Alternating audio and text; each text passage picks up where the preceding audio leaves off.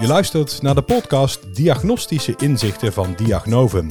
In deze serie geeft Diagnovum een podium aan specialisten, huisartsen en deskundigen uit het werkveld.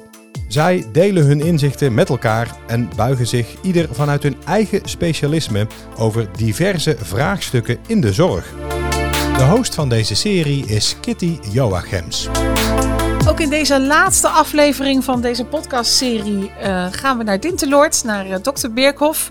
We zitten in zijn spreekkamer. Ja, we hebben het natuurlijk al over heel veel onderwerpen gehad in de afgelopen weken. Um, um, maar je komt natuurlijk ook wel eens patiënten tegen die niet meteen uh, iets hebben wat meteen duidelijk is. Hè? Een, uh, een knieblessure of, uh, of een griep of, of wat dan ook. Ja. Uh, maar er zijn natuurlijk ook mensen met wat minder, minder grijpbare klachten. Burn-out, ja. depressiviteit. hoe ga je daarmee om in de praktijk? komt veel voor. En ik denk dat het ook wel een beetje met de huidige maatschappij te maken heeft. Hè. Um, uh, ze denken allemaal natuurlijk dat ze de koningin zijn, want ze zitten elke hele tijd op hun telefoon te kijken of ze gebeld worden. Uh, ik leg hem wel eens weg op vrijdagavond en dan maandag oppakken. En dan is de wereld niet vergaan als ik hem wil oppakken. Hè. dus het kan gewoon. Maar de jeugd is daar veel mee bezig, denk ik. En we hebben natuurlijk best een drukke arbeidsmaatschappij. Hè. er moet steeds meer gepresteerd worden. Uh, nou, ik heb een, een hele goede uh, praktijkondersteuner in de, uh, in de praktijk, een POH-GGZ zoals wij het noemen. Hè. Dat is een verpleegkundige of een psycholoog die de, de makkelijke psychische klachten een beetje begeleidt. Mm -hmm. Eigenlijk heeft elke praktijk dat tegenwoordig. Mm -hmm. En nou, dat, dat, gaat goed. En als het echt te diep is, te zwaar is, dan verwijs ik ze naar een, de tweede lijn. En, of de eerste, de eerste lijn psycholoog. En dat gaat goed. Ja. ja, maar is, is het lastig om te bepalen van wanneer ga je nou doorverwijzen en waar nee. naartoe? Ja, en dat laat ik meer dan, uh, toch, ze gaan allemaal eerst naar mijn praktijk ondersteunen. En als die zegt, uh, maar ze heeft echt wel kijk op, joh, dit, moet, dit is voor mij, uh, die kan ik niet oplossen. Nou, dan, stuurt ze, dan krijg ik een seintje en dan stuurt die mensen door. En dan, je hebt, op de zorgdomein kan je dan verwijzen, kan je precies zien wat je wil verwijzen en waarheen. Ja. Het enige is, ja, er is momenteel een hele lange wachttijd. Ja. En dat is wel een beetje jammer. Maar ja, goed, ja, als er geen mensen zijn, dan kan ja. niet behandelen. Hè? Ja.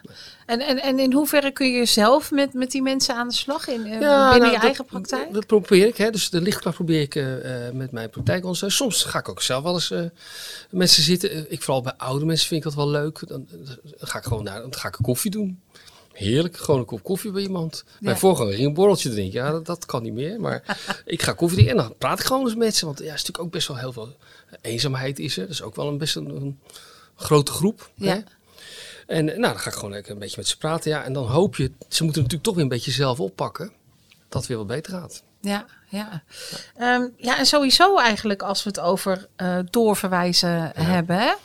Um, wat, zijn er bepaalde criteria voor? Doe je dat echt op gevoel? gevoel. Uh, ook bij andere zaken. Hè? Dus niet alleen bij, bij burn-out en zo. Nee, maar tuurlijk, gaat dat veel op gevoel? Nou ja, weet je, of je, je komt tot conclusie door onderzoek en, en lab of zo, bloed erbij, dat je denkt, nou, dit, is, dit moet door de specialist opgelost worden. En dan stuur je ze door. En dat probeer je natuurlijk zo mondjesmaat mogelijk te doen. Maar uh, ja, uh, het hoort erbij. En ja. uh, dat is ook wel leuk als je een beetje een kant-en-klaar iemand kan presenteren bij een specialist. Ik probeer altijd wel een diagnose vind ik een groot woord. Ik laat altijd de eer aan de specialist ook, maar ik probeer wel altijd een beetje te denken, nou, dat zou er wel eens uit kunnen komen. Ja. ja. Weet je ook wat de specialist nodig heeft op het moment dat je iemand ja, doorverwijst? Dat, als je via zorgdomein door, daar staat er meestal in wat zij van tevoren al willen. Hè? Bijvoorbeeld hadden ja. uh, een van de andere opleidingen of uh, uitzendingen over de knie. Ja. En uh, vaak vragen ze al, is er al een foto van die knie gemaakt het laatste half jaar? Nou, dat is hartstikke handig. Ja. Want dat doe ik dan alvast. Ja. Nee? En verschilt dat dan ook nog per specialisme? Uh, hoe uitgebreid je uh, nou, nee, bij allemaal hebben ze wel vragen. Hè. De cardioloog vraagt vaak, joh, is al bloed gedaan? En dat soort dingen. Nou, dat probeer ik dan al gedaan te hebben. Ja. ja. Ja. Dat scheelt, want bij mij moeten ze natuurlijk erheen. En als ze dan eerst moeten prikken en drie dagen weer naar het ziekenhuis, dat is natuurlijk toch een, een toestand. Hè? Dus dan, ik probeer ze altijd van tevoren al hier met dorp te laten prikken. Ja, ja. En um, uh, zie je daarna de patiënt terug als hij doorverwezen is naar de specialist en de specialist is ermee aan de slag geweest? Is dat dan ja. iets wat je ook bezighoudt? Dat je denkt, nou, van, ik wil wel even weten hoe dat nou is Bijzondere dingen wel. Hè? Als, uh, en, en als ze geopereerd zijn, ga ik altijd langs. Althans, te proberen. Of ik bel ze. Maar ik ben nogal, ik ga graag langs. Vind ik, vind ik ook weer gezellig. En uh, dus ik hou er wel bij. Hè. De post probeer ik wel bij te houden. En echt ingrijpende dingen, dan sta ik dezelfde dag nog aan de deur. Want dan weet ik gewoon, als iemand te horen krijgt dat die kanker heeft, dat is heel ingrijpend. Ja. En dan ga ik altijd, altijd even heen. Ja. ja. probeer ik. Ja. ja, en zo hou je dus eh, voeling Ja, met, de met de patiënten. Echt, ja. echt. Dus ik kan daar echt van genieten. Zomaar even nog wat cijfertjes. Hoeveel, hoeveel patiënten heb je in de praktijk? 3300. Zo. En eh, ik werk vier dagen en mijn eh waarnemend huisarts twee dagen. Mijn vaste waarnemster. Mhm. En eh, het gaat goed. Ja, ik zie zo'n 40, 45 mensen per dag. En dan, ik heb wel nog wel relatief veel visites. Drie, vier per dag. Soms vijf. Maar goed, het is een dorp, hè. Het kan me makkelijk. Ik kan het bijna allemaal lopen doen, als ik ja, zou willen. ja, ja, ja, het is allemaal dicht bij de deur, zeg maar. Allemaal voordeel. Ehm, maar eh 3300 eh, patiënten in de praktijk. Hoeveel daarvan komen nooit naar de huisarts? Nou, het cijfers blijkt hè, landelijk dat ongeveer 70% zie je nooit.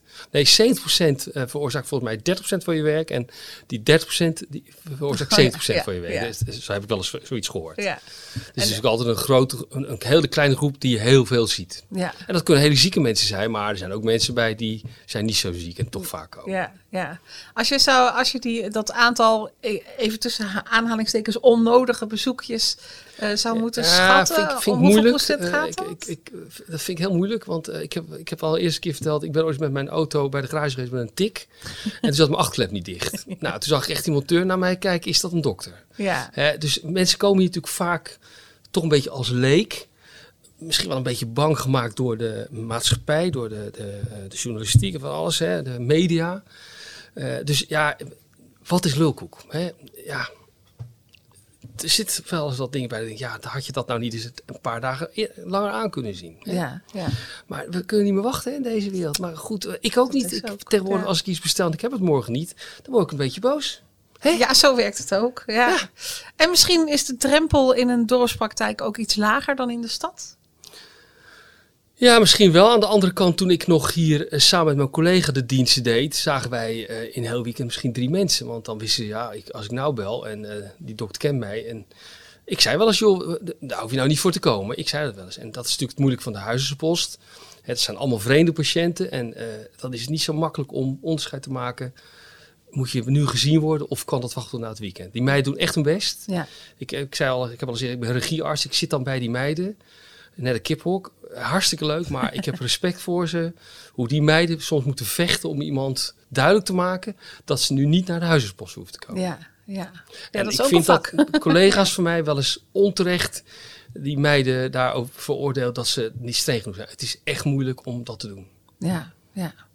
Ja, tot slot, we zijn aan het einde van de serie. Het was heel fijn dat we eh, voor elke aflevering even eh, mee mochten kijken in de spreekkamer. Maar wellicht luisteren er ook huisartsen in opleiding. Als Ja. u hen één tip zou mogen geven, als met respect oude rot in het vak. Ja, neem een eigen praktijk. Het is het leukste wat er is. Ga het gewoon ervaren. Ja. En ja, ik ben natuurlijk ik hou van de dorpspraktijk. Dus ik zou zeggen, neem een dorpspraktijk. Maar goed, dat is een eigen keus. Dankjewel. Oké, welkom. Jullie ook, dankjewel. Ja, en in de spreekkamer bij dokter Birkhoff hadden we het al even over doorverwijzen. Eh, dus hoe leuk is het dan in dit geval dat we zowel een specialist als een huisarts aan tafel hebben? Ehm, welkom, eh, zeg ik tegen Taco Goossens. Stel jezelf even voor. Wie ben je, wat doe je? Nou, je naam hoef je niet meer te zeggen, want dat heb ik al gedaan. Precies, dus dat slaan we dan over. Ik ben orthopedisch chirurg in het Elisabeth II Steden ziekenhuis. Eh, en in mijn spaarzame vrije tijd mag ik ook eh, bijzonder hoogleraar zijn aan de Universiteit van Tilburg. Op het gebied van kwaliteit van leven in de medische setting. Dus dat is eh, ja, psychologie. Dus de enige dokter met een, eh, of tenminste de botte dokter met een zacht randje eigenlijk. De botte dokter met een zacht randje, wat mooi. Het zou wel een eh, aflevering op zich kunnen zijn. Nou, wie weet. En ook een huisarts eh, aangeschoven, eh, Wouter Stenvers. Zeg ik het goed zo? Ja, helemaal goed. Ja. Vertel, vertel. Waar ben je Ehm, huisarts? ik ben huisarts in Waalwijk, in het noorden van Brabant. En ehm, dat ben ik sinds 27 jaar. In de praktijk met, eh, met drie collega's. En daarnaast eh, ook altijd een huisarts in opleiding. Want mijn vrije tijd of mijn verdieping zoek ik onder andere in het opleiden van jonge collega's. Ja, dus jullie zorgen er eigenlijk allebei in een nevenfunctie voor dat er weer nieuwe aanwas komt. Ja, ja. Dat, ja. ja en eh, dat is op dit moment ook best nodig. Ja, Ja. ja dat kan ik me voorstellen, ja. En eh, hoe is het dan voor eh, die eh jonkies, voor jullie dan waarschijnlijk, om in te stromen in de zorg? Nou, als ze bij ons zijn, hebben ze die keuze natuurlijk al gemaakt. Eh, Over het algemeen heb ik gelukkig hele gemotiveerde, enthousiaste en ook vaak zeer kundige jonge dokters die dan huisarts willen worden. Het is meer het, het, het uh, ja, de interactie, hoe het is om in een huisartspraktijk te werken. Vaak hebben ze klinische ervaring, hè, dus hebben ze in het ziekenhuis gewerkt. En om te kijken hoe het is om op een andere manier want dat is in de huisartsgeneeskunde echt wel anders dan op veel andere plekken. In contact te komen met de patiënt en met wat de patiënt uh, voor een hulpvraag heeft, voor een medisch probleem heeft. Maar vaak is het probleem veel breder dan alleen het medische stuk. En ze daarin wegwijs te maken. En daarnaast ben ik zelf, vind ik, een redelijk enthousiast praktijkhouder. En in een tijd waarin steeds minder dokters hè, die huisarts willen worden, kiezen om zelf een praktijk te runnen, wil ik wel heel graag ook dat enthousiasme overbrengen. Dus daar steek ik ook wel tijd in. Om te laten weten waarom het zo leuk is om je eigen winkeltje te hebben, zeg maar. Ja, en waarom is dat zo leuk? Omdat je heel veel dingen zelf kan plooien. Ik ben destijds uit het ziekenhuis gegaan. Ik dacht ooit een andere richting te volgen, omdat ik onder andere vond dat ik daar naar te veel mensen moest luisteren. En daar kon ik niet goed tegen. En in mijn huisartspraktijk kan ik tot op zekere hoogte heel veel dingen zelf organiseren. En ik kan heel veel accenten leggen op plekken die ik zelf kies in de patiëntenzorg, maar ook in de administratie, in de, de personele uh, dingen die, je uh, onder handen hebt. Dus ja, ik vind het gewoon heel prettig om die aspecten erbij te hebben. Omdat ze allemaal te maken hebben met de zorg. En ze allemaal voor kunnen zorgen dat je wat je uiteindelijk doet in de praktijk, namelijk zorg leveren aan jouw patiënten, dat je dat beter en ook leuker kunt doen. Ja, ja, nou, uh, ben je, mag ik je zeggen tegen, ja, mag ik jij zeggen tegen jullie allebei? Ik heb praat wel zo uh, makkelijk. Uh, ja, toch, ja. Ehm, maar je bent huisarts in Waalwijk, dus dat betekent dan ook dat je wel gericht bent op Tilburg als het gaat om ziekenhuiszorg. Ja. dus je verwijst misschien wel eens door naar Taco. Ja, absoluut. Ja hoor.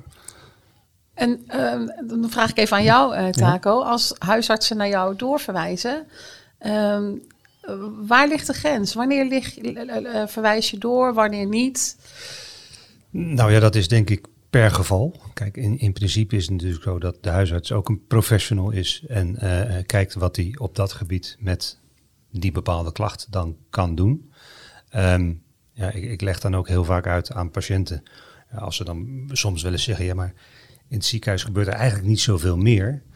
Um, dat heb je soms. Uh, en dan kan je ook uitleggen van, ja, maar de huisarts is natuurlijk degene die van heel veel dingen iets moet weten. Mm -hmm. En als medisch specialist ben ik degene die eigenlijk van één of misschien een paar dingetjes, nou ja, helaas niet alles, maar toch een heleboel weet. Ja. Dus um, wij gaan dan in het ziekenhuis misschien wat meer de diepte in um, op die bepaalde klacht. Ja, dat kan je niet op elke klacht van de huisarts verwachten. Dus dat kan een hele goede reden zijn dat de huisarts het niet weet. Soms uh, heeft de huisarts ook wat hulp nodig in het overtuigen van een patiënt. Dat gebeurt heel veel. En uh, uiteraard natuurlijk ook uh, als er in mijn geval dan geopereerd zou moeten worden. Ja. Of in ieder geval nagedacht moet worden over een operatie. Ja. En hoe gaat dat dan als je doorverwijst als huisarts? Heb je daar dan zelf al een beeld bij van nou ik denk wel dat dit een uh, gevalletje operatietafel wordt? Uh, of laat je dat helemaal aan de, aan de specialist over? Nou, uiteindelijk dat laatste natuurlijk. Maar het begint inderdaad wel met de insteek van de verwijzing. Taco's had het al even, soms moet een patiënt overtuigd worden. Als een patiënt, laten we even over het bewegingsapparaat hebben. Als een patiënt gewrichtsklachten heeft bijvoorbeeld, dan heeft hij soms het gevoel dat daar wat aan gedaan moet worden. Maar dat is niet in al die gevallen waar. Dus je hebt het gesprek over de ernst van de klachten. En dan hebben we het wel over wanneer in onze visie als huisarts en wat wij daarvan weten van, van andere doorverwijzingen, wanneer daar wel wat aan gedaan wordt. En we hebben ook nog onze richtlijn daarbij, die ons ook helpt om aan te geven wanneer wij denken dat het zinnig is om door te verwijzen. En want niet elke patiënt met artrose bijvoorbeeld wordt geopereerd, mhm. gelukkig niet. Mm -hmm. En wij proberen mensen ook, ook nog wel eens te bewegen om in ieder geval over de alternatieven na te denken. Alleen die alternatieven zijn vaak, ja, er is nooit een snelle weg naar succes. En veel patiënten hebben dan het gevoel, ja, maar als ik naar orthopeed ga, dan word ik geopereerd en dan ben ik weer helemaal vief en dan kan ik weer alles. En met een beetje mazzel is dat dan eind volgende maand. Terwijl als ik dan met die patiënt ga spreken over gewichtsreductie en over lifestyle en over eventueel nog uh, iets ja, verder met, met, met ja, echt het oppakken van een bepaalde sport of zo. Ja, daar, daar hebben ze vaak helemaal geen, geen zin in. Dus dat, dat is een lastig gesprek soms. Mm. En er zijn een aantal objectieve criteria op basis van van je doorstuurt. Dat zijn vaak toch wel de ernstigere patiënten. Maar de grotere groep patiënten is die A, heel veel klachten hebben waarbij je eigenlijk niet zo heel veel afwijkingen vindt, maar die het gevoel hebben dat ze daar niet meer verder kunnen.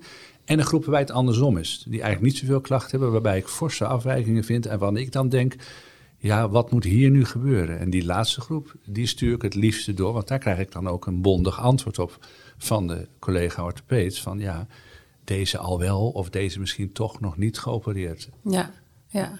Dus die stuur je het liefste door. Zijn dat ook de patiënten die je het liefste doorgestuurd krijgt? Nou ja, inderdaad, natuurlijk de, de, hè, als er ehm, eh, patiënten zijn met, met veel klachten en weinig afwijkingen, dat is, dat is een mismatch. daar, daar ga je over nadenken, daar ga je over praten. Dus dat hele gesprek wat er in de huisartspraktijk eh, is, is gevoerd, dat komt dan ook vaak nog een keertje terug. Soms zelfs met de woorden, ja, daar had de huisarts het ook al over. nou, dat zal dan wel een hele goede huisarts zijn, want u zit nu tegenover de orthopeet en die zegt hetzelfde. Dus eigenlijk, hè, dat klopt dan goed. U heeft ook gelijk de second opinion te pakken. Dus dat, dat klopt dan helemaal. Ja. Eh, maar er zijn ook patiënten die eigenlijk niet goed weten wat het, ja, het traject is, hè, de stepped care zoals we dat noemen. Dat je behandelingen in stapjes eh, eh, gaat doen en dat operatie eigenlijk pas de laatste stap is in, die, in dat hele traject. En dat er dus eh, met pijnstilling gewerkt kan worden, de lifestyle, het bewegen. Eh, heel veel mensen die klachten hebben met bewegen, eh, vaak pijn, soms wat stijfheid. En die denken van ja, maar als ik dat dan zo door blijf gaan, dan ga ik van alles beschadigen. Ja. Dus soms moet je ook bepaalde ja, idee fixes eruit praten. Eh, eh, en, en dus dat gesprek is denk ik ook wel heel erg belangrijk. Ja, en dan kom je uiteindelijk toch bij een aantal patiënten die op diverse manieren ja, het niet lukt. En dan kan je overwegen om een operatie te doen. Maar dan moet je ook weer vertellen dat dat geen, ja, geen kattenpis is. Mhm, ja. Het is niet, ik kom even mijn knietje of even mijn heupje ophalen in het ziekenhuis. En dan doe ik het weer, Nee, zoals precies. vroeger. Ja, ja. Dat is ongelooflijk. Patiënten hebben allemaal wel een succesverhaal van een buurman of weet ik Ja. het. Die dan inderdaad, hij was na twee dagen weer thuis en na twee weken stond hij alweer op de golfbaan. Ja, die zijn erbij. Zeker. Maar ik vertel ze dan liever niet over de andere patiënten die ik ook in mijn praktijk heb. Met geïnfecteerde protheses en noem maar op wat allemaal voor een ellende. ja. Dat doe ik dan soms wel hoor. Ja, nee, dat moet je ook. Dat moet je ook. Nou Nou, ja. ik zie ook duidelijk in jullie brief altijd staan hoe je expliciet je op de risico's en de complicaties wijst hè, in een gesprek. Ten eerste is dat denk ik een, een verplichting, informed consent. En, en het helpt je ook om aan patiënten uit te leggen dat eh, als je er 100 opereert, bijvoorbeeld een totale heup, dat dat niet altijd helemaal supergoed gaat. Eh, en ik sluit dan dat hele rijtje altijd wel af met van ja, de meeste complicaties liggen onder de procent. Sommige zijn heel belangrijk, dus die moet ik wel noemen. De andere mogen we vergeten. Maar de belangrijkste is misschien wel teleurstelling. Dus dat je nu iets verwacht ja. wat niemand waar kan maken. Ja. Ja, dat En dan, dan heb, ik, heb ik al verloren. Hè? Ja. Als je verwacht dat je de heup terugkrijgt die je eh, op je twintigste had. Zoals onze lieve heer, dat werkt in Brabant hè. Zoals onze lieve heer die ooit gegeven heeft. Ja. Dan, ja, dan heb ik al verloren. Mhm. ja. Dus dan moet je echt de, de, de verwachtingen eigenlijk managen. Binnen een kader brengen. Oké, dus ik weet dat mijn schouder niet helemaal normaal meer wordt. Ik weet dat mijn enzovoort enzovoort. enzovoort. Nou, ik heb het idee dat het begrijpt. Dan gaan we het doen. ja. Overigens vertellen wij dat ook al. Hè? Uiteraard, uiteraard. Want, eh, de maakbaarheid van, de, van het lichaam en van de gezondheidszorg, zoals veel mensen dat nu beleven, dat is natuurlijk in alle spreekkamers een onderwerp. Ja. Ja, en teleurstelling en verwa- verwachtingsmanagement ook. Ja. Ja. Ja. precies. Ja. Dan kan ik me ook voorstellen. ehm, eh, er zijn ongetwijfeld richtlijnen en afspraken. Hè, wanneer verwijs je door, wanneer niet. Maar er, dat is nooit een rechte lijn. Dat is natuurlijk altijd ook een beetje. Hè, wat- voor patiënt heb je voor je? Hoe is de situatie? Maar ik kan me ook voorstellen dat even vanuit de specialist gedacht. dat je best wel eens wat patiënten binnenkrijgt. waarvan je denkt. had hem maar wat eerder gestuurd. Of waarvan je denkt van. nou, dat had nog wel even kunnen wachten. Ja, tuurlijk. tuurlijk ik bedoel, als we allemaal perfect waren en alle verwijzingen perfect waren, ja, dan, dan, dan, dan was het ook geen kunst. En dan had iedereen het werk eh, kunnen doen. Daarom Ja. heb je daar ook wat ervaring, denk ik, bij nodig, uiteindelijk. Maar is dat dan ook iets wat je met elkaar evalueert als huisartsen en specialisten zijnde? Nou, ik, ik probeer soms wel in mijn, in mijn brief uiteindelijk eh, er iets over te roepen of te schrijven dus. Ehm, maar heel veel van, hè, zeker als het patiënten zijn waarvan je denkt van ja, waarom wordt die nou doorverwezen? Toch eventjes voor jezelf afvragen van waarom wordt die doorverwezen? Ehm, orthopedisch gezien, medisch specialistisch, hoeft het misschien niet. Maar blijkbaar is er toch een noodzaak. Uh, of omdat de huisarts het even niet weet. Of omdat hij al 16 keer bij de huisarts is geweest voor hetzelfde probleem. En dan in andere ogen moeten kijken. Um, of dat ja, gewoon iemand anders het een keertje uit moet leggen. Ik denk wel dat wij uh, een goede verwijsbrief moeten schrijven met een heldere vraag. Net zoals de patiënt een hulpvraag heeft, hebben wij als huisarts als verwijzer ook een hulpvraag. En ik denk ook in jouw geval, als je dit nou zo beschrijft, dan is de telefoon natuurlijk wel heel makkelijk. Hè? Want ik, ik herken dit helemaal. Er staat in brieven vaak toch een opmerking over, het, ja, over wat iemand daarvan wil. Daar lees je soms tussen de regels door ook nog zelfs al misschien wat irritatie of wat. Nou, ik begrijp het niet. En ik denk dat we laagdrempelig uh, met elkaar daarover in gesprek moeten blijven. Gewoon even bellen en dan bel je mij op en dan zeg je, waarom heb je die nou verwezen? Ik zeg, ga ik je uitleggen. Dat is bijvoorbeeld zo iemand die al 16 keer geweest is. Nou ja, precies. We hebben tegenwoordig nog iets anders. We hebben het, digitaal consult. Dat is een soort, soort intercollegiaal mailverkeer, ja, dat is niet precies mail, maar dat doet er niet toe. Waarbij we dus vragen, joh, zou ik deze moeten verwijzen? Of ik vertel je het verhaal, dit zijn mhm. de harde data, wat vind je ervan? En dan krijg je soms een antwoord. En met dat antwoord kan ik soms ook weer beslagen ten ijs terug naar de patiënt, omdat dat antwoord van de specialist is. Ja. Dat sommige mensen heel erg waarderen. Dus dan kan je zeggen, luister, ik heb het goed overlegd met de specialist. In jouw geval is het gewoon niet nodig of niet zinnig. Dus dat is nog een goede tussen, uh, ja, extra trap, zeg maar. Ja, Zeker. Ja. ja. En, en ja, het, het zijn dan inderdaad uh, ja, mailverkeer tussen aanhalingstekens. Uh, overigens natuurlijk allemaal beschermd. Um, maar ik, ik merk bij mezelf dat ik aan dat soort mailtjes, die plakken wij eigenlijk vooraf aan een spreekuur. Uh, dus dan heb je even de tijd om, om, daar ook wat extra tijd aan te besteden. Het is niet, uh, niet is het altijd het antwoord van moet ik deze doorverwijzen? Ja, punt, cent. Dat is het niet. Nee. nee, maar toch ook eventjes van nou dit kan je verwijzen, maar ik ga niet beloven dat daar geopereerd wordt, want zus, zus en zo. En ja. probeer er toch altijd wel een, een, een beetje proza van te maken. uh, en, en, en inderdaad, dat hoop ik ook altijd van een huisartsenbrief. Um, hè, eh, verwijzing op verzoek patiënt. Dat is bij mij altijd al een, een trigger van ja, uh, waarom zou de huisarts dat erbij zetten? Mm -hmm. Ja, blijkbaar omdat die het zelf misschien niet nodig vindt, ja. maar de patiënt wil het heel graag. En dan vraag ik ook aan de patiënt, u wilt daar graag verwezen worden, want waar heeft de huisarts het met u over gehad? Ja. Um, nou ja, zo, zo, zo. En de huisarts zei dat het dit en dit was. En, en ja, ja, goh, dat, eh, dat weet ik eigenlijk niet zo zeker of dat zo is, want ik heb toch wel heel veel last. Um, en dan kan je eigenlijk het, het gesprek overdoen, maar net eventjes die dingetjes toevoegen. Misschien voor een tweede keer, dat de patiënt daar toch in overtuigd raakt. Ja, maar dat digitaal, hoe noem je het nou? Dat, uh... Ja, het heet officieel digitaal adviesconsult. Mm -hmm. Is dat wat we in vaktermen een dakje, noemen? Ja, dakje, ja, dakje. Ja, ja. en dat maar, gaat via dezelfde is... uh, beveiligde internetomgeving als waar je ook een gewone verwijsbrief kan maken. Je kunt op elk moment kiezen en je krijgt het volgens mij ook op dezelfde manier binnen. Hè? Het ziet er hetzelfde uit, dus je krijgt ook de data. Dus je kunt ook eventueel bijvoorbeeld al in een eerder dossier, stel dat die mevrouw vijf jaar geleden ook geweest is. Ja, het voegt echt wat toe. Ik zie er, eh, ik zie er een grote toekomst voor. Het, het belast elkaar, want vroeger belde ik jou dan gewoon en dat kwam dan weer niet uit en dan stond je weer steriel. En dit is heel prettig. Of ik was net met die patiënt bezig die je ja, precies. Dat ook, hè? Ja. ja. nee, maar, dus, dan kan je op je eigen moment je dakjes even afhandelen. Ja, precies. maar. Ja. precies. Nee, ik vind nou het, ja, een eh, waardevolle tussenstap lijkt me. Ja, en ik heb echt het gevoel, ik kan, het, kan het niet staven, maar ik heb echt het gevoel dat het ook verwijzingen voorkomt. Mm, zeker. Ik zie natuurlijk ook nog wel wat patiënten terug waarbij er dan al eerder een dakje geregistreerd staat. Want dat is een ander voordeel van een dakje. Dat er dus geregistreerd en gedocumenteerd staat wat er is overlegd en besproken. Ja. Uh, een telefoongesprek heeft dat natuurlijk niet. Ja. Een dakje heeft dat wel. Maar je ziet soms patiënten dus niet terug mm -hmm. naar na zo'n dak. Maar je ziet ook wel eens patiënten die dan al eerder een dakje hebben gehad. Daar is iets uh, aan beleid uh, advies gegeven. En dat is in de huisartspraktijk uitgevoerd. En daarmee lukt het niet. Mhm, nou, oké, dan heb je dus hè, een van de stappen in de stepcare dus al doorlopen. Niet in het ziekenhuis, maar wel in de huisartspraktijk. En dan heb je dus nog een extra reden om iemand te kunnen verwijzen. Ja, nou, ik uh, praat zo meteen uh, graag nog even met jullie uh, verder. Maar van een dakje naar een datadokter is in een podcast slechts één kleine stap. Dus we gaan naar Sandra Diepstraten. De datadokter. Klachten aan bijvoorbeeld schouders, knieën en handen worden ook wel klachten aan het bewegingsapparaat genoemd. Veel zorggroepen zoals Primacura hebben een kaderarts die zich bezighoudt met het bewegingsapparaat.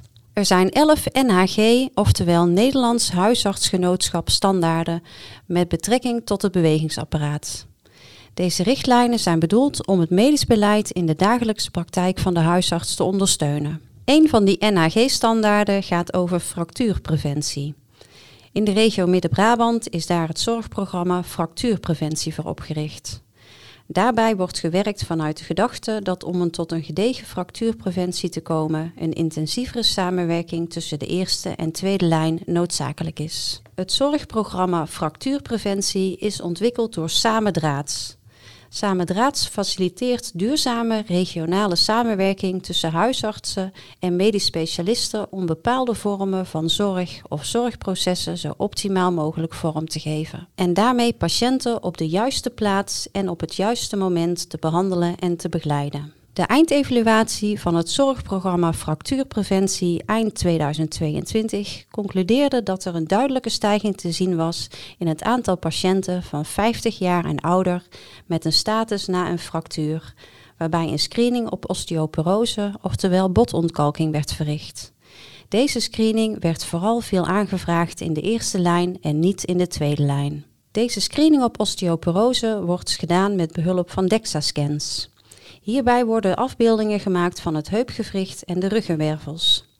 Met deze afbeeldingen wordt de dichtheid van het bot en de botontkalking bepaald. Vanuit het Elisabeth II Stedenziekenhuis in de regio Midden-Brabant zien we in de opgevraagde cijfers een afname in aanvragen van röntgenfoto's.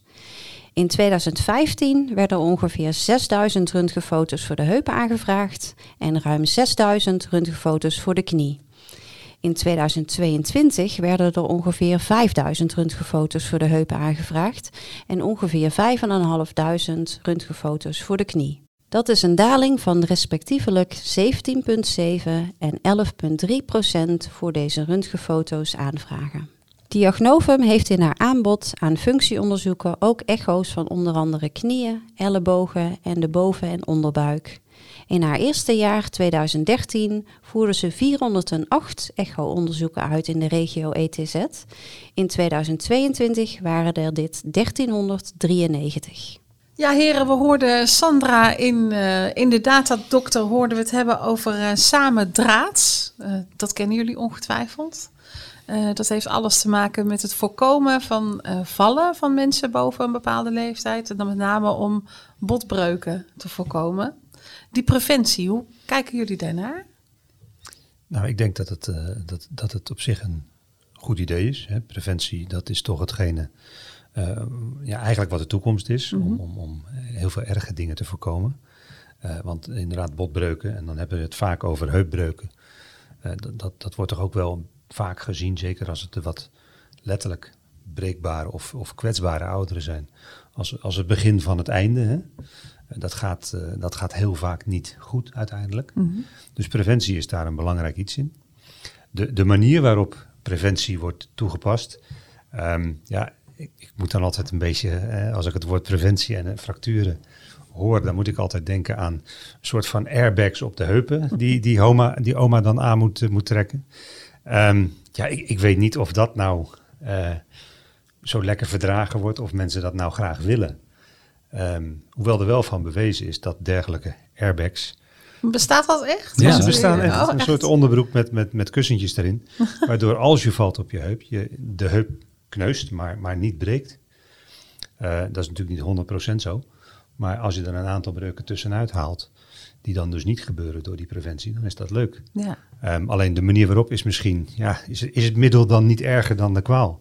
Je moet ook een beetje nadenken of, of het leven dan wel leuk blijft. Hè? Ja. Als je elke morgen moet nadenken om je speciale luchtgevoerde onderbroek aan te trekken. dat is toch ook zo wat. Hè? Dat, dat, Hoe kijk uh, jij daarnaar, uh, Wouter? Uh, je noemde samen draads. Uh, wij kijken naar de fractuurpreventie in het kader van osteoporose, botontkalking. Er wordt veel gebroken in het land. En op dit moment is het zo dat mensen boven een bepaalde leeftijd met een fractuur eigenlijk standaard in die screening komen of ze botontkalking hebben. Daar heb ik moeite mee. En ik moet oppassen dat ik hier niet vloek in de kerk. Eh, ik vergelijk het als ik het gesprek heb met patiënten, dan zeg ik wel eens het volgende. Je stond vroeger op gym, met, in de gymklas stond je op volgorde van lang naar kort. Dat moest nou eenmaal, waarom weet Ja, niemand. dat is waar, ja. En dan had je dus altijd een langste persoon en een kortste persoon. Maar waren die dan ziek? Dus er is een afwijking van het gemiddelde in de botdichtheid. En we weten allemaal dat de botdichtheid afneemt bij mensen. Bij vrouwen nog zelfs wat harder dan bij mannen. Ja. En vanaf een bepaalde leeftijd ook nog eens een keer wat harder. En dan zijn er dus mannen en vrouwen die in die botdichtheidsverdeling het slechtst af zijn. Het belangrijkste wat die mensen natuurlijk niet moeten doen, is iets breken. En daar moeten ze voorzorgsmaatregelen voor nemen. En in mijn beleving is zeg maar het kijken naar die voorzorgsmaatregelen, zoals bijvoorbeeld dat broekje, maar veel simpeler als ik bij iemand thuis kom, het losse matje en het de koffietafeltjes everywhere rond het bankstel enzovoort, dat dat meer hout snijdt om daar wat aan te doen dan om die mensen preventief medicatie te geven, waardoor hun botafbraak stopt. Dus hij wordt niet eens sterker, de botafbraak stopt. En we hebben meer dan een miljoen mensen in Nederland die officieel de diagnose osteoporose hebben. En ik heb daar wel wat moeite mee. Vanuit die achtergrond wat ik net zei van langste kind, kortste kind, verdeling in, en, in een populatie van botdichtheid. Ja. Er zijn een aantal belangrijke risicofactoren, die moeten we goed in de gaten houden. En Mensen met ondergewicht, mensen met prednisongebruik in de voorgeschiedenis, mensen met familiaire osteoporose, die houden we al echt in de gaten. Maar ik, het gaat mij dus wat ver om elke persoon die op de EHBO komt met een polsfractuur, om die dat osteoporose screeningsprogramma in te douwen. Ja, nou, om toch maar weer even bij die, die langste en de kleinste te blijven. Eh, ik denk dat de diagnose osteoporose ehm, de, de, de twee kleinste en de twee langste van het rijtje uitsluit. Eh, want het gaat namelijk eh, de, de- of je binnen bepaalde percentages valt.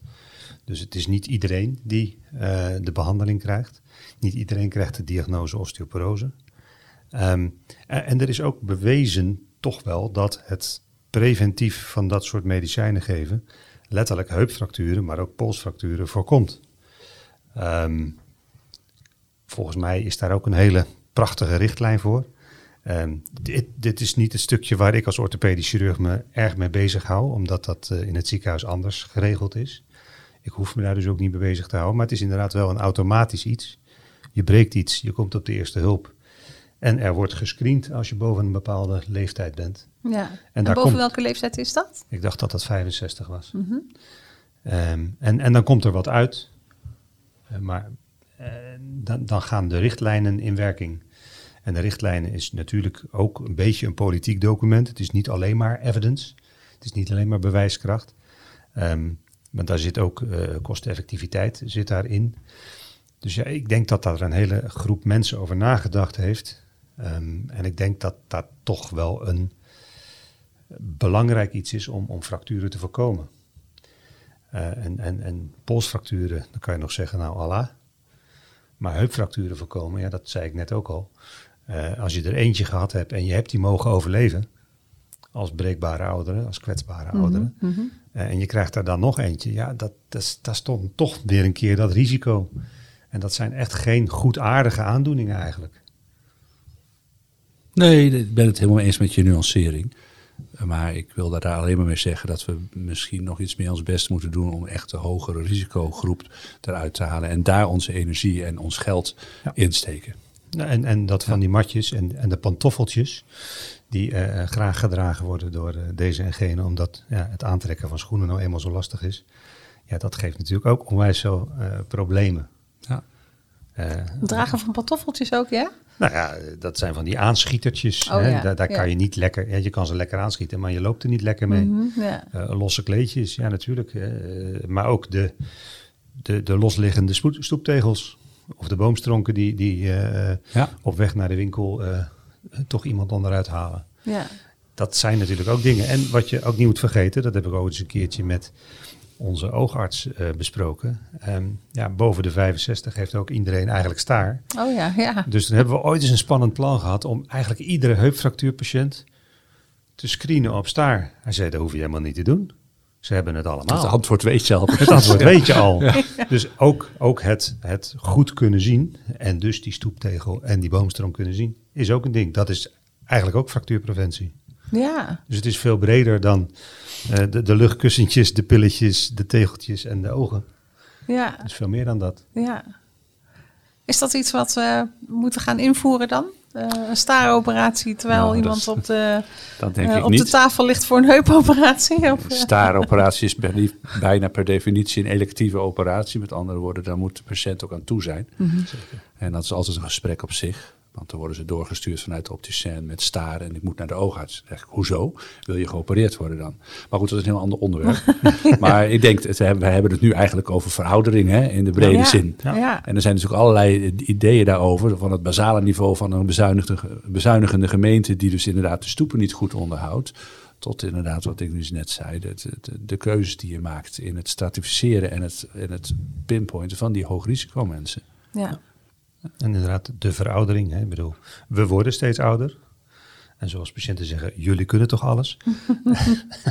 maar, maar, maar inderdaad, het, het, het maakbare van de wereld, dat is wel iets wat je, wat je steeds meer tegenkomt. Eh, uiteraard ook in de spreekkamer bij de orthopeed. Eh, en dat is dan al een selectie van datgene wat zich bij de huisarts afspeelt. ja. Eh, ik moet altijd weer denken aan die jongen van 18 die zei van ja, die had wat slijtage van zijn heup. Ja, op je 18e kan dat ook al. En dat was na een ongeval. En hij zei, doe mij een nieuwe heup, want dan ga ik weer voetballen. ja. Zei, wacht even, nou moeten we even opnieuw beginnen met het hele gesprek. Want dit is zo ja, Ja. weg van waar het eigenlijk om gaat. Dan moet je een heel, heel ander niveau van inschieten eigenlijk hebben.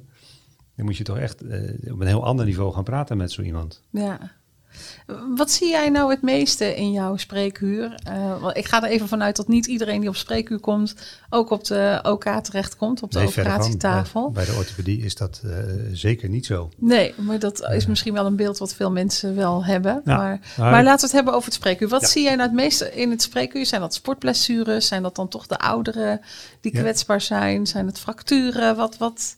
Nou, ik ben een, een, een- gespecialiseerd medisch specialist, dus ik doe maar een deel van het vak. Mhm, Dus zelfs van de hele orthopedie weet ik ook nog maar een klein beetje. mhm, Eh, en ik, ik focus mij op, op eh, schouders, ellebogen, polsen en handen. mhm. En ik doe af en toe kunstheupen, maar kunstknieën bijvoorbeeld, of rugoperaties en kruisbandoperaties doe ik eigenlijk niet. Nee.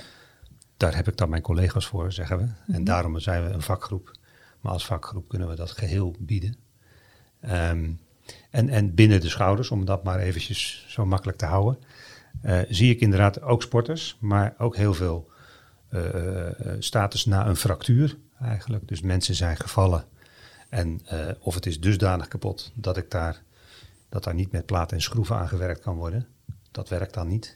Ehm, maar dat daar een kunstschouder van gemaakt moet worden. Maar je ziet ook de, de, de sporter die voor de zoveelste keer zijn schouder uit de kom heeft. Ja. Of je ziet ook eh, patiënten die een groeistoornis van de elleboog hebben. En dat zijn dan weer de jongere patiënten. Ja. Dus, dus dat zijn de dingen. Maar dat is natuurlijk een selectie wat op mijn spreekuur komt. ja, maar wel echt van jong tot oud. En, en, Dat is eh, ook de reden waarom ik het vak uiteindelijk ben gaan doen. Het is van jong tot oud. Het is trauma en niet trauma. Het is eh, wat dat betreft alles. Alleen het is ehm, ehm, operatief en niet operatief. En daar begon je ook mee. Eh, wij, wij hebben het dan wel gekscherend over de hit rate. Hè, hoeveel patiënten van je spreekuur ga je nou uiteindelijk op een lijst zetten? Ja, dat in mijn spreekuur, maar dat heeft te maken met schouders. Schouders opereer je niet zo vaak aan. Eh, dus die hitrate, ik kan, ik kan hele spreekuren doen zonder iemand op de lijst te zetten. Ja. Als ik op een spreekuur er vijf op een lijst zet, vijf van de twintig, nou dat is een druk spreekuur. mhm, ja. Dan heb ik een boel gedaan. Maar bijvoorbeeld bij de knieën is dat wat meer operatief. Als je kinderspreekuur doet, kinderorthopedie, bijna nooit. Nee. Want dat, de, de, de, de kinderorthopedie, de operaties daaraan, dan heb je het altijd over de klompvoetjes of de heupdysplasie. Ja, dat is vaak een gecentreerde eh kinderorthopedie poli. Ja. En dat zit in de centra dus. Ja, helder. Nou, tot slot wil ik het eigenlijk bij jullie nog even heel kort over de toekomst van jullie vak hebben. Wat is, denken jullie, hoe, hoe ziet het vak er over pakweg 10, 15, 20 jaar uit? Verandert het dan eh, drastisch als huisarts of als orthopedisch chirurg? Ik hoop van harte van niet. En we hebben natuurlijk in het begin heel even gehad over de, de druk op de zorg en de zorgen van de collega's daarover. Ehm, ik hoop van harte dat ons vak nog zodanig blijft dat het ook met name leuk blijft. En dat het niet alleen maar regelen en, en, en, en eh, hopen op een goede morgen en hopen op dat je het aan kan en hopen op dat je personeel hebt en meer van dat soort drukdingen.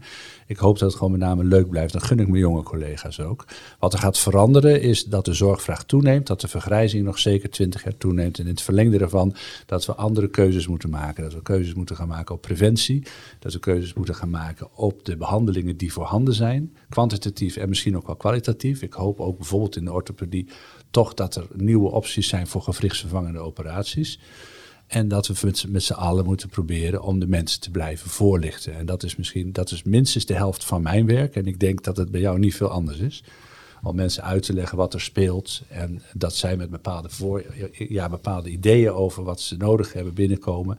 En met een wat anders, beter idee, meer realiteitsgezinde idee weer uh, naar buiten gaan. Mooi, ja. ja. Ik zag jou een beetje zo. Ja, nee hoor, nee, nee. ik, ik, ik, op een aantal dingen kan ik zeker aanhaken. Uh, en ik dacht, ja, goh, hoe ga ik dat nou zeggen? Want het lijkt wel of hij zijn antwoord helemaal klaar al heeft. oh, uh, nou. maar um, als ik dan denk aan de orthopedie in de toekomst. Hè, wij, het, het, motto van de orthopedievereniging is, wij houden Nederland in beweging. Uh, tegenwoordig roepen we zelf dat we de beweegzorg in beweging houden. Die is misschien nog mooier. Want dat suggereert ook dat je veel meer samenwerkt met andere partijen daarin. En ik denk dat uh, dat stukje van nieuwe opties voor ge gewrichtsvervanging, ja, uh, um, denk ik eigenlijk niet zo. Oké. Okay. Um, ik, ik, mag toch hopen? Jazeker. Als, ik er, als ik er straks aan toe ben. nou, ik, ik, denk dat, dat zo'n beetje elke academische uh, orthopedie research afdeling bezig is met het ontwikkelen van kraakbeen. Uh, dat zei ik toen ik twintig jaar geleden orthopeed werd in, in, Tilburg al, dat degene die kraakbeen uitvindt, dat, die krijgt een Nobelprijs. Uh, dat is tot op heden nog niet uitgereikt. Dat gaat mij ook niet lukken en ik denk dat het de komende twintig jaar ook nog niet gaat gebeuren. Ik, ik denk dat de technische innovaties, dus van uh, nieuwe schroefjes, nieuwe moertjes, nieuwe protheses, daar moeten we denk ik niet van hebben. Ik denk dat preventie misschien toch wel de weg is die we moeten volgen, namelijk het ervoor zorgen dat allerlei andere ziektes, uh, die, die ook slijtage kunnen geven, en dan kijk ik ook naar mezelf, toch wat overgewicht, uh, sportblessures tot uh, heel veel sporten uiteindelijk leidt tot gewrichtsschade.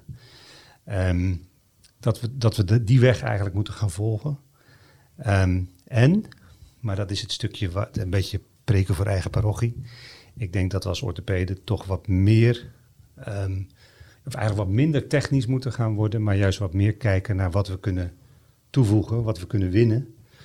En, en sommige patiënten die hebben gewoon uh, nog niet het begrip over wat er speelt en, en, en hebben te grote verwachtingen. Dus ik zou het liefste op een ja, wat meer psychologische tour daar toch ook mee omgaan.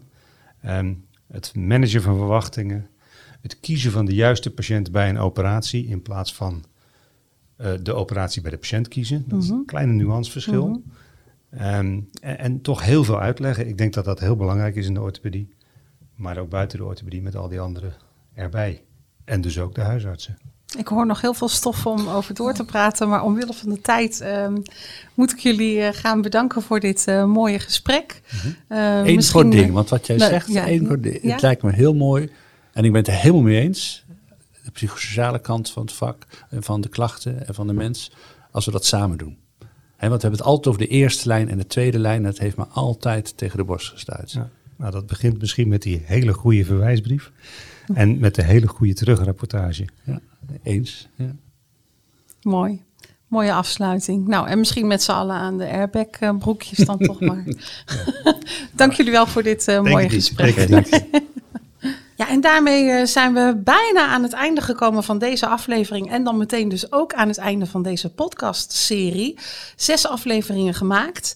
Um, maar dan wil ik toch even terugblikken. Niet alleen op die zes afleveringen, maar ook op tien jaar Diagnovum. Want dat was in eerste instantie de aanleiding om deze podcastserie te gaan maken. En daarom is toch even aangeschoven onze directeur van Diagnovum, Michiel Baldal.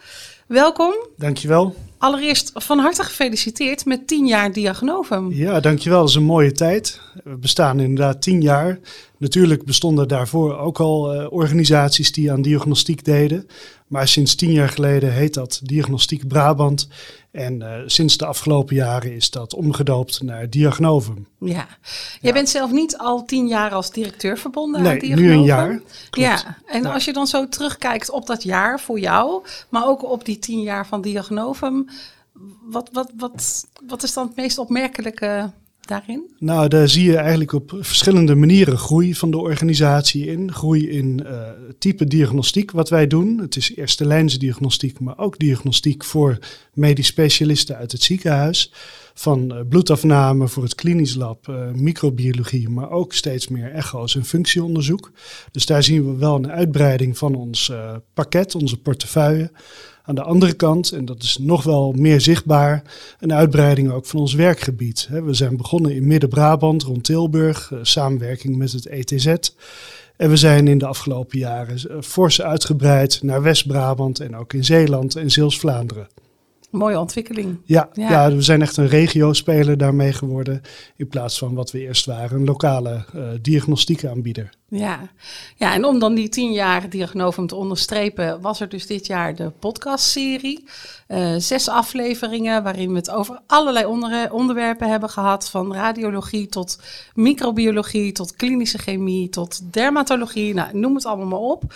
Ehm, eh, hoe heb jij dat eh, gevonden? Ja, ik vond het eigenlijk wel een feestje, een professioneel feestje. Omdat we hiermee precies hebben eigenlijk willen laten zien wat we doen als diagnovum. Maar vooral dat we dat altijd in samenwerking met onze partners doen. Ja, dus het woord diagnovum is af en toe wel gevallen, maar niet te veel.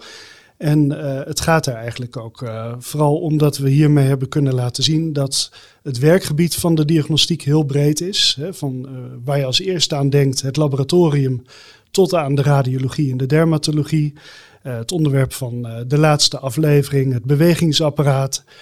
Eh, en wat we hiermee ook hebben laten zien is eh, hoe belangrijk die samenwerking is tussen huisarts eh, en ziekenhuis. ja, Dat juist door die samenwerking goed te borgen en de diagnostiek speelt daar een hele belangrijke rol in, dat je het ook voor de patiënt makkelijk kan maken. En dat eigenlijk die zorgaanbieders met elkaar één geheel aan zorgsysteem vormen en niet allerlei losse schakels zijn of losse lijnen in de zorg. Voor Ja. de patiënt is het eigenlijk allemaal één. Ja, ja, precies.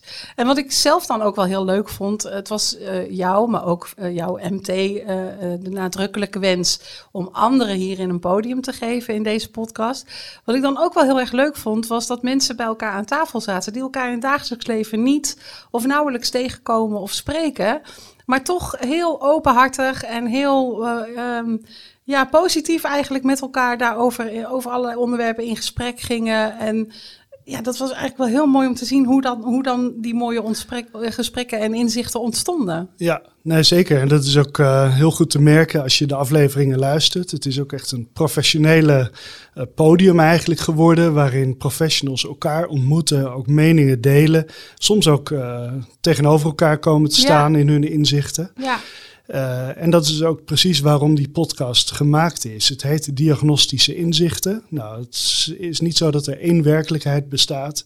Iedereen werkt ook wel op zijn eigen manier. En juist door dat te delen met elkaar, door over in gesprek te gaan, het eh, ook op te nemen in een podcast, eh, laat je ook eh, ruimte voor die discussie. En misschien zijn er ook wel luisteraars geweest die af en toe hun wenkbrauwen hebben gefronst of gedacht hebben van, goh, wij doen dat heel anders of we doen dat beter misschien zelfs wel. Dat is ook prima, hè? Daar, dat mag ook. En Ja. daar is juist die professionele ruimte voor om met elkaar in discussie te gaan. ja zeker. En daar worden we denk ik allemaal ook beter van. Hè? Daar Ja. worden we in ons vak beter van. Ehm, en eh, het is ook gewoon leuk om te doen. Ja, absoluut. Ik proef bij jou dat jij terugkijkt op een goede serie. Eh, ik als eh, podcast-host kijk ook terug op een eh, mooie serie. Ik denk dat, ehm, ja, dat het heel fijn is dat iedereen de tijd en de energie heeft eh, eh, willen stoppen in eh, te gast te zijn in onze podcast. Dus iedereen die in de afgelopen zes afleveringen daaraan heeft bijgedragen, hartelijk dank. Ik ja, denk ook, eh, namens, mij. jou. Ik Ja, vond het geweldig om te zien hoe enthousiast iedereen was. Ja. vooraf om deel te nemen, naar nog, maar nog meer na afloop. Ja, En het was inderdaad eh, heel mooi om te zien hoe die ontmoetingen in de podcast waren. Dat eh, mensen elkaar die, die elkaar helemaal niet zo goed kennen, eh, toch heel snel op één gedachte of op één lijn van de discussie kwamen. ja, ja. Dus het was een mooie ontmoeting. Ja, Nou, verder hebben we op heel veel plekken gezeten. We begonnen natuurlijk in elke aflevering in de spreekkamer van dokter Beerkhoff in uh, Dinteloord, huisarts. Nou, heel fijn dat hij ons daar wilde ontvangen en ook mee wilde denken over al die onderwerpen. Um, verder zijn we in uh, de podcastruimte geweest van het Bravis ziekenhuis in Roosendaal. We zijn in het Elisabeth II Steden ziekenhuis geweest in Tilburg voor opnames, maar ook hier. Uh, bij jou. Uh, in, bij Diagnovum ja, in Tilburg. Precies, ja, ja, precies. dus dat is ook heel leuk dat we ook op die manier ook allerlei um, plekken hebben gezien waar jullie ook actief zijn als organisatie. Um, rest mij eigenlijk alleen nog om jou, maar ook iedereen van Diagnovum te bedanken voor um, deze uh, input die jullie ons hebben gegeven om deze serie te kunnen maken. Um, en tot slot wil ik natuurlijk ook de luisteraar bedanken, want uh, waar zijn we als podcast zonder luisteraars? En ik vind het heel leuk om even aan te haken op wat jij zei, van als je aan het luisteren bent en je denkt van nou, ik denk hier heel anders over, of ik doe dit anders, of misschien inderdaad wel beter. Um, voel je ook vrij om te reageren op de podcast. Neem gewoon even contact op met uh, de afdeling communicatie van Diagnovum en voel je vrij om daarin te reageren, suggesties te doen of uh, wat dan ook. En wellicht uh, biedt dat dan ook weer een hele mooie input voor een mogelijk vervolg op de podcast in de volgende serie volgend jaar. Kijk, dat is iets moois om naar uit te kijken. Michiel, dankjewel uh, dat je even wilde aanschuiven. Heel graag gedaan. En jullie ook bedankt voor het maken van deze serie. Ja, we hebben het met heel veel plezier gedaan. Dankjewel. Tot zover deze aflevering van de podcastserie Diagnostische Inzichten. Vond je deze aflevering interessant? Deel hem dan met je collega's en de mensen uit jouw netwerk. Wil je meer weten over de aanbieder van deze podcastserie? Kijk dan op www.diagnovum.nl.